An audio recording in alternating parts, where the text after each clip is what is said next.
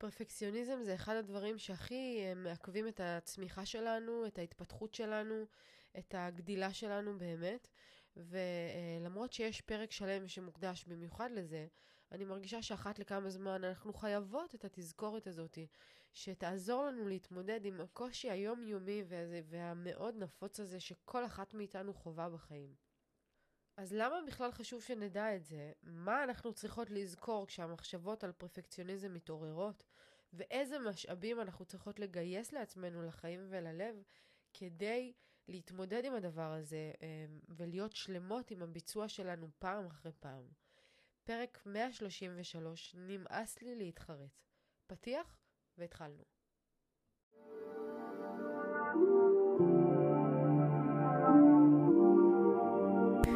ברוכות הבאות יקירותיי לפודקאסט אימפרית אמהות בצמיחה. כאן אנחנו מדברות תודעה, אהבה ואמת, בשילוב עם כל השיעורים והניסיונות והקשיים שאנחנו עוברות בדרך, הן באימהות והן בחיים בכלל. אז רגע לפני שאנחנו מתחילות, תפתחו את הראש, תנקו את המחשבות ותהיו מוכנות לצלול פנימה. הנה זה בא.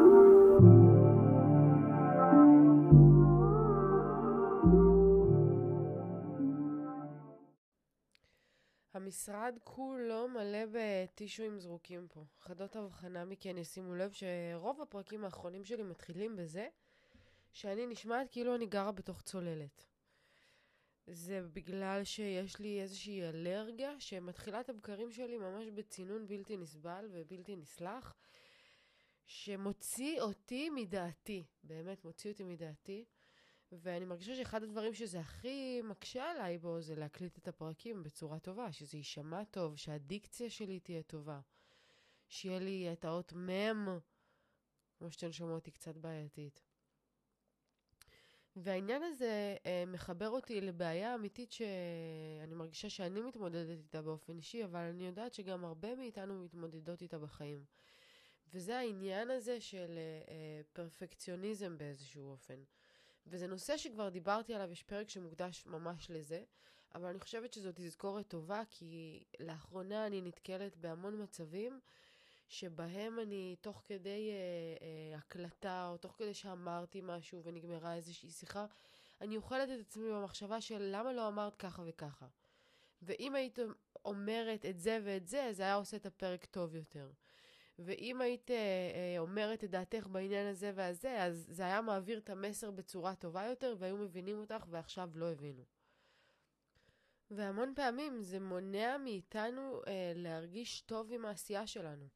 ועשייה יכולה להיות הקלטה של פרק, יכולה להיות שיחה מסוימת, יכולה להיות יצירה של איזושהי עבודה, איזשהו פרויקט, איזשהו, לא יודעת מה, פוסט שהעלינו. זה יכול להיות כל דבר כזה, ואנחנו באמת מתמודדות עם הדברים האלה המון פעמים לאורך החיים שלנו, שאנחנו כאילו מתחרטות על זה שזה לא היה מדויק, שזה לא היה מושלם, אבל היצירה כבר בחוץ, הדבר כבר נעשה, האמירה כבר נאמרה. אז מה יעזור לי להתחיל ולהגיד עכשיו, כשהפרק כבר בחוץ, להגיד, יואו, אם הייתי מוסיפה ככה וככה, אז הפרק היה יותר טוב. ואם לא היית מצוננת והיית נשמעת טוב יותר, אז זה היה יכול להיות פרק איכותי יותר. אבל זה המצב, וזאת המציאות, וזה היום, וזה הפרק שהקלטת עכשיו, והוא כבר בחוץ, וכבר אין לך מה לעשות עם זה, וגם אם היית כבר בתוך ההקלטה ואת אומרת, אני אשנה, אני אמחק, יש גבול לכמה פעמים את יכולה למחוק ולהתחיל מאחר ויש לנו מגבלות בעולם הזה, מגבלות של זמן, מגבלות של פניות, מגבלות של כסף בהקשר לדברים מסוימים.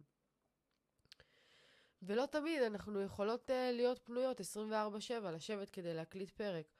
או אין לנו את כל הזמן שבעולם לשבת ולהעביר את המסר שלנו באיזושהי שיחה עם מישהו שאנחנו עושות. או לא תמיד יהיה לנו את המשאבים ה... ה... המספיק גדולים כדי להתחיל פרויקט פעם ועוד פעם ועוד פעם ועוד פעם. לא תמיד הדבר הזה מתאפשר, ואם אנחנו נסתובב בעולם בתחושה של מה שעשיתי זה לא מספיק, זה לא מספיק מדויק, זה לא מספיק טוב, זה לא מספיק איכותי, אז התחושת פספוס הזאת תשתלט עלינו. עליי היא משתלטת המון פעמים באופן אישי. לא מעט פעמים אני מסתובבת עם התחושה שהפרק היה לא מספיק טוב, וזה לא משהו שמתחיל ונגמר בסבבה, אמרתי הפרק לא היה מספיק טוב וזהו. זה כאילו יכול להמשיך איתי כל היום, עד הפרק הבא. ואתמול קרתה לי סיטואציה בדיוק זהה לזאת. הקלטתי את הפרק על חנן בן ארי, ואיפשהו לקראת סוף הפרק אדם מתעורר. וקטע לי את חוט המחשבה באיזשהו מקום, והוא ישב פה וסיימתי ביחד איתו את הפרק. אבל כשסיימתי את הפרק, אז אמרתי לעצמי, יואו, אבל נתתי רק שלושה שיעורים שלמדתי ממנו, אבל למדתי הרבה יותר.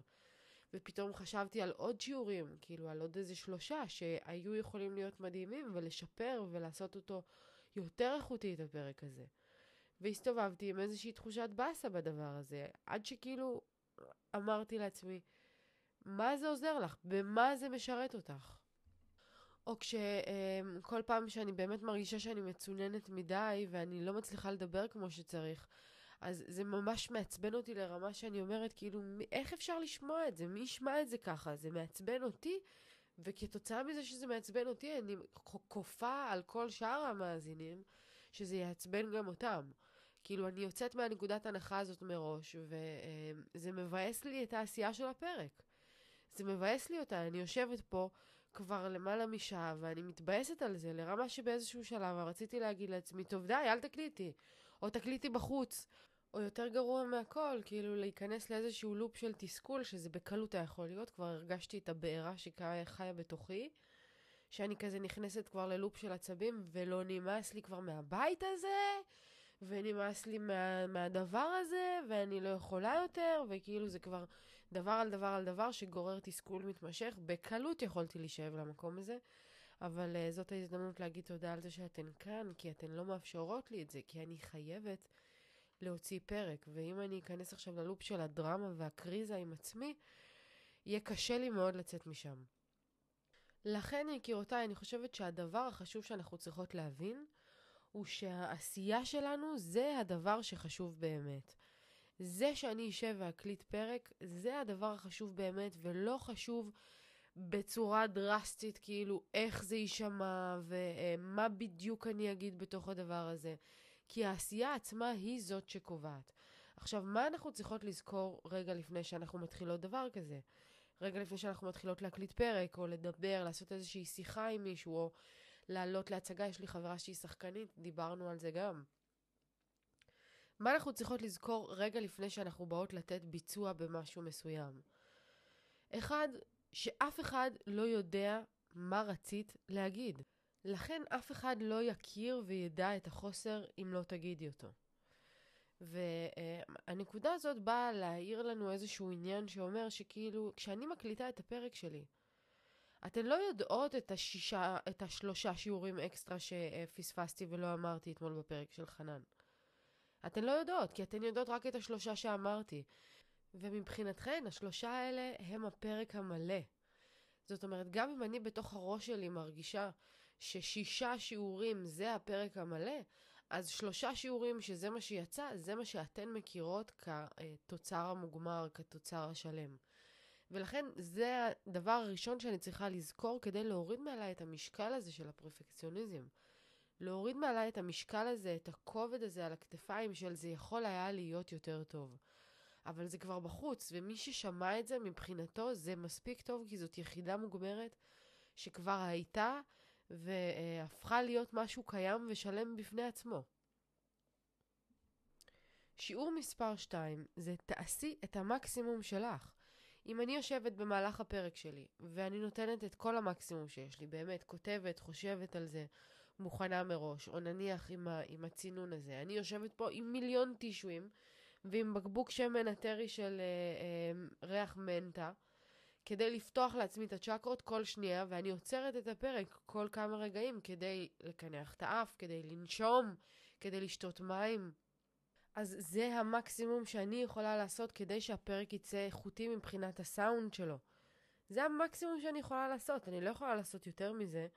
אני לא יכולה להחליף לעצמי את כל הצנרת בגוף. אני לא יכולה עכשיו לצאת, לקחת את המיקרופון ולהקליט בגינה, כי יהיו לי רעשים אחרים. אני לא יכולה לעבור דירה היום אני לא יכולה לפתור את האלרגיה הזאת עכשיו, כאילו, אני לא יכולה, אז למה לאכול את עצמי על זה? הפרק חייב לצאת ככה או ככה, אז במקום שאני אוכל לעצמי את הכבד, אז אני אגיד שאני עושה את המקסימום כדי שהדבר הזה יהיה מספיק איכותי. אני עשיתי את המקסימום כדי להקליט שלושה אה, שיעורים חשובים מאוד שלמדתי בזכות הפרק הזה. בזכות ההופעה אה, הזאת של חנן בן ארי. והשלושה שיעורים האלה הם די ויותר, הם המקסימום שיכולתי להוציא במסגרת הזמן והיכולות שהיו לי. וזה דבר חשוב מאוד שאנחנו צריכות לזכור. המקסימום שלנו זה המקסימום האפשרי. וזה מוביל אותי למחשבה אה, או לרעיון השלישי שאולי החשוב מכולם. אנחנו לא יודעות מה הדבר האחד הזה שהבן אדם בצד השני היה צריך לשמוע כדי לפתור את העניין שלו, כדי אה, אה, לסדר את היום שלו. אני לא יודעת מה את היית צריכה לשמוע בצד השני כדי שיעזור לך להתמודד עם איזשהו קושי. אני לא יכולה לדעת אם זה אה, כל הרעיון של הפרק, אני לא יכולה לדעת אם זה משפט מסוים או מילה מסוימת. ככה שזה לא באמת משנה מה אמרתי, אלא זה משנה מה גרמתי לך להרגיש. ואני לא יכולה לשלוט גם על זה, על מה תרגישי. אני יכולה פשוט להביא את עצמי בצורה הכי אותנטית שיש, בצורה הכי אמיתית, לתת את המקסימום שלי, כמו שאמרנו קודם, אה, להיות בטוחה שהמקסימום שלי זה המקסימום האפשרי, ומתוך המקום הזה, לשחרר את היצירה החוצה. זאת אומרת, זה לא המילים שאנחנו אומרות שהופכות את הפרק לטוב, או את השיחה לטובה, או את העבודה למדויקת. זאת ההרגשה שאנחנו מייצרות בצד השני. ואם זאת ההרגשה שמשנה באמת בסוף, אז אנחנו יכולות להיות מאוד רגועות, כי אם אנחנו פועלות מתוך מקום אה, אה, אמיתי וטוב, ואנחנו לא מכניסות אגו לתוך הדבר הזה, ואנחנו uh, שמות את הכל על השולחן. ובין אם זאת שיחה עכשיו שאני רוצה להעביר איזשהו מסר לבן זוג שלי, או לבוס שלי בעבודה, או לאיזושהי חברה, אם אני אתעלה כל הזמן במילים, ברציתי להגיד את זה ואת זה ואת זה ואת זה, תמיד יהיה לי איזשהו פער. תמיד יהיה לי איזה משהו שחסר, וזה יהפוך את השיחה ללא מספיק טובה, וכתוצאה מזה זה יוביל לזה שאני בסוף אהיה מתוסכלת ומבואסת מזה שלא דיברתי כמו שצריך ולא אמרתי כמו שצריך, וזה יכול היה להיות יותר טוב ויותר מדויק. כשבסוף השורה התחתונה והחשובה מכולן זה שאנחנו רוצות להעביר הרגשה מסוימת, תחושה מסוימת. כי אף אחד לא יזכור את המילים המדויקות שאמרתי בפרק הזה במשך רבע שעה, עשרים דקות. אף אחד לא יזכור את זה. אבל כן יזכרו את התחושה ואת המסר הכללי שרציתי להעביר. ויכול מאוד להיות שכל אחת תראה את המסר בצורה אחרת. יכול להיות שכל אחת תתפוס משהו שונה מהפרק הזה. ואני צריכה לקבל את הרעיון הזה. המון פעמים בנות פונות אליי ואומרות לי, יואו, הפרק היה ככה וככה, וזה היה ממש טוב, והייתי צריכה לשמוע את זה. אבל אני בעצמי לא זוכרת על מה דיברתי, כי כל יום אני מעלה פרק, וכשאני שואלת מה בדיוק הבנת, אז אני מגלה שכל אחת מבינה דבר אחר. כל אחת מקבלת איזשהו מסר אחר, איזשהו שיעור אחר מהפרקים האלה. וזה אולי הדבר הכי יפה ברעיון הזה של לא להיתפס לשלמות, לא לחפש בדיוק שיהיה את כל הדברים, ושזה יהיה בדיוק, ושהסאונד יהיה בדיוק, ושמה שאני אגיד זה יהיה מדויק, וכאילו... זה הצד היפה בלא להיתפס לשלמות. זה שאנחנו מבינות שאין אה, בה צורך. כאילו, אין בה צורך, היא בעיקר נזקקת בתוך הראש שלנו ובתוך הצורך שלנו להרגיש מספיק חכמות ומספיק טובות ומספיק אה, אה, אה, מוצלחות. אבל אנחנו מספיק כל הדברים האלה כשאנחנו מתחילות ומסיימות את העשייה שלנו מתוך כוונה אמיתית ומתוך אותנטיות גדולה. אז באמת, מה הדברים שצריכים להיות לי כדי שאני אה, אהיה משוחררת מהעול הזה של הפרפקציוניזם? איזה כלים או משאבים צריכים להיות לי בחיים ומתוך מה אני צריכה לפעול כדי להתגבר על הצורך הזה בפרפקציוניזם ולפעול בעולם בנחת שמה שאני עושה זה מספיק טוב. אז הדבר הראשון זה להבין מה המטרה שלי בכלל. מה המטרה שלי בשיחה הזאת שאני הולכת לעשות עם הבן זוג שלי, מה המטרה בשיחה הזאת שאני הולכת לעשות עם הבוס, מה המטרה בהקלטה של הפרק או בכתיבה של הפוסט, או בהתחלה הזאת של הפרויקט שאני רוצה להקים. כאילו, מה המטרה של הפעולה הזאת שאני רוצה לעשות ולהוציא לאוויר העולם? אז אם אני מדברת על הפודקאסט, המטרה מופיעה לי מול העיניים. כל פעם שאני מקליטה, אני קוראת אותה, אני אה, אתן לכם הצצה. המטרה שלי היא להקליט פרק איכותי שהקהל שלי ואני נוכל לצמוח ממנו כל יום מחדש. זאת המטרה, היא ברורה לי מאוד, ואחד מהאלמנטים החשובים בהצבת מטרה כזאת, היא להבין שיש בה משהו מעבר לעצמי. שלא רק אני מרוויחה מהדבר הזה, למשל פה כתוב לי שהקהל שלי ואני נוכל לצמוח ממנו. כי קודם כל, אם אני יכולה לצמוח מהדבר הזה, אז גם הקהל שלי יוכל. ועצם זה שאני מקדישה את המטרה למען אנשים אחרים, הופך את הפרק מראש להיות טוב יותר ואיכותי יותר ומדויק יותר, כי הוא מסיר מעליי את כל העניין אה, אה, האגו. וזה מוביל אותי באמת לדבר הבא שאני רוצה לדבר עליו, שבזכותו אנחנו נוכל להשתחרר מעניין הפרפקציוניזם בכל דבר שאנחנו עושות. וזה אה, לקבל על עצמנו את מידת הענווה.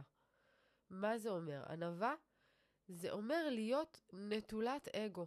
כשאני מנקה ומסירה מעליי את האגו, ואני לא אומרת שזה קל, זה קשה וזה מאתגר מאוד, במיוחד בשיחות עם אנשים, עם הבן זוג שלנו, עם הבוס, או כל אה, דמות כזאת או אחרת שאנחנו רוצות לצאת חכמות מולה, מוצלחות מולה, חזקות מולה. מאתגר מאוד לנטרל את, ה- את האגו הזה, אבל אם נצליח לעשות את זה, אז זה ישתלם לנו בצורה חד משמעית בכך שאנחנו נהיה מדויקות יותר עם המסרים שלנו. אנחנו לא ננטה ימינה ושמאלה ונזרום על גבי uh, הרגש ומה הרגשתי ואיך הוא עצבן אותי וזה הוציא ממני וזה... Uh, הוא נגע לי בנקודה. אם אני אנטרל את הדבר הזה, או לפחות אם אני אשים לעצמי בראש או בתודעה או במחשבה, לנטרל את עניין האגו כשאני באה לעשות פעולה מסוימת, במיוחד אם זה עם עוד בן אדם, אז אני אצליח להיות מדויקת יותר ולהעביר את המסר שלי בצורה ברורה יותר, ואני לא אסתובב בעולם עם תחושה של חבל שלא אמרת, ולמה לא עשית, ואם יכולת להגיד את זה אחרת. אני לא, לא אסתובב עם זה, זה ירד מעליי. והמשאב השלישי והאחרון שאנחנו צריכות אה, לסגל לעצמנו בחיים כדי להימנע או להשתחרר מהפרפקציוניזם הזה, זה אה, להיות מסוגלות לפעול בצורה אותנטית.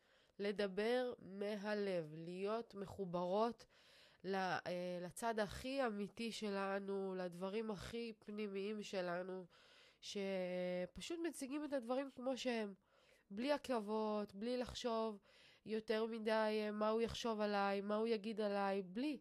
להיות מחוברות למקום האמיתי, שזה הדבר הכי חשוב בלהיות מסוגלות לדבר את הדברים שלנו באמת, ולא להתחרט אחרי זה שלא אמרנו ושלא עשינו.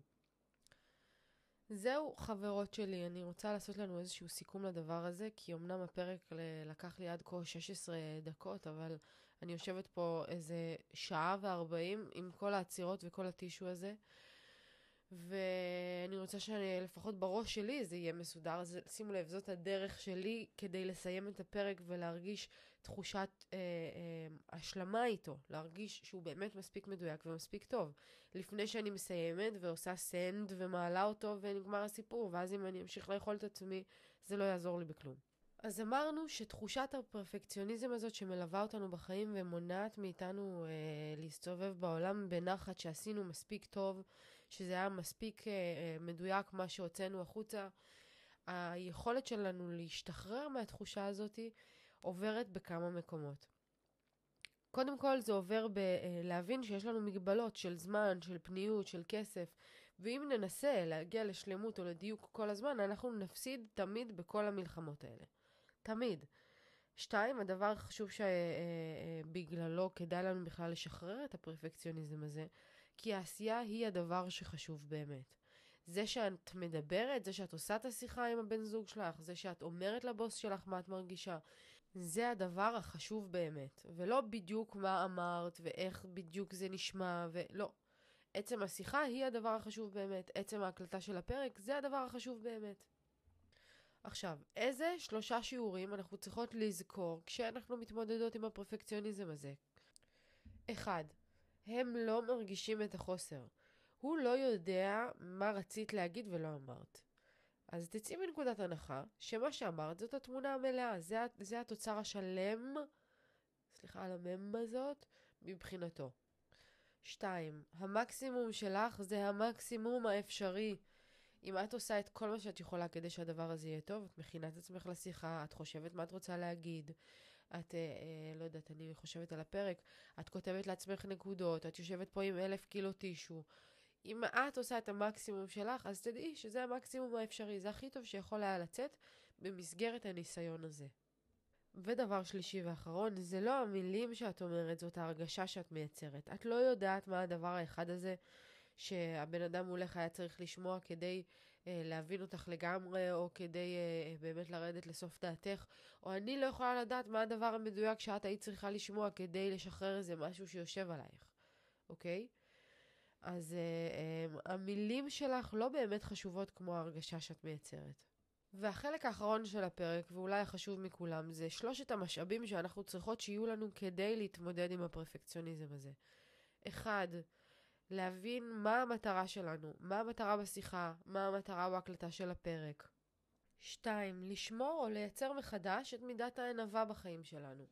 להבין שכשאנחנו נטולות אגו, הכל יוצא בצורה מדויקת יותר, אמיתית יותר ומחוברת יותר. והדבר השלישי והאחרון שאנחנו צריכות לאמץ לחיים שלנו כדי לפעול ולהתנתק מתוך המקום הזה, הפרפקציוניסט, זה אותנטיות. כשאנחנו נהיה מחוברות לעצמי שלי, כשאני אוהב, אקבל, אשלים עם uh, מי שאני ומה שאני מביאה לעולם, אז יהיה לי הרבה יותר קל לדבר את הדברים שאני מרגישה או חושבת בצורה זורמת ונטולת עכבות ונטולת חרטות. Uh, למשל, כאילו, אנחנו נוכל להתמודד הרבה יותר טוב עם כל מה שאנחנו מביאות לעולם.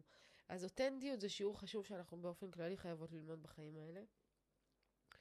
וזהו, חברות שלי, אה, זה היה פרק מאוד מאתגר מבחינתי, בשבילי, אבל אה, אני רוצה לסכם אותו ולומר שיכול מאוד להיות שכל מה שהייתן צריכות לשמוע מתוך הפרק השלם הזה זה אולי דקה, זה אולי משפט אחד, זה אולי רעיון אחד, כדי ליישם אותו בחיים שלכם ול, ולפתור איזשהו קושי, איזושהי שאלה, איזשהו אה, עניין שאתן לא מצליחות לעשות כבר הרבה זמן.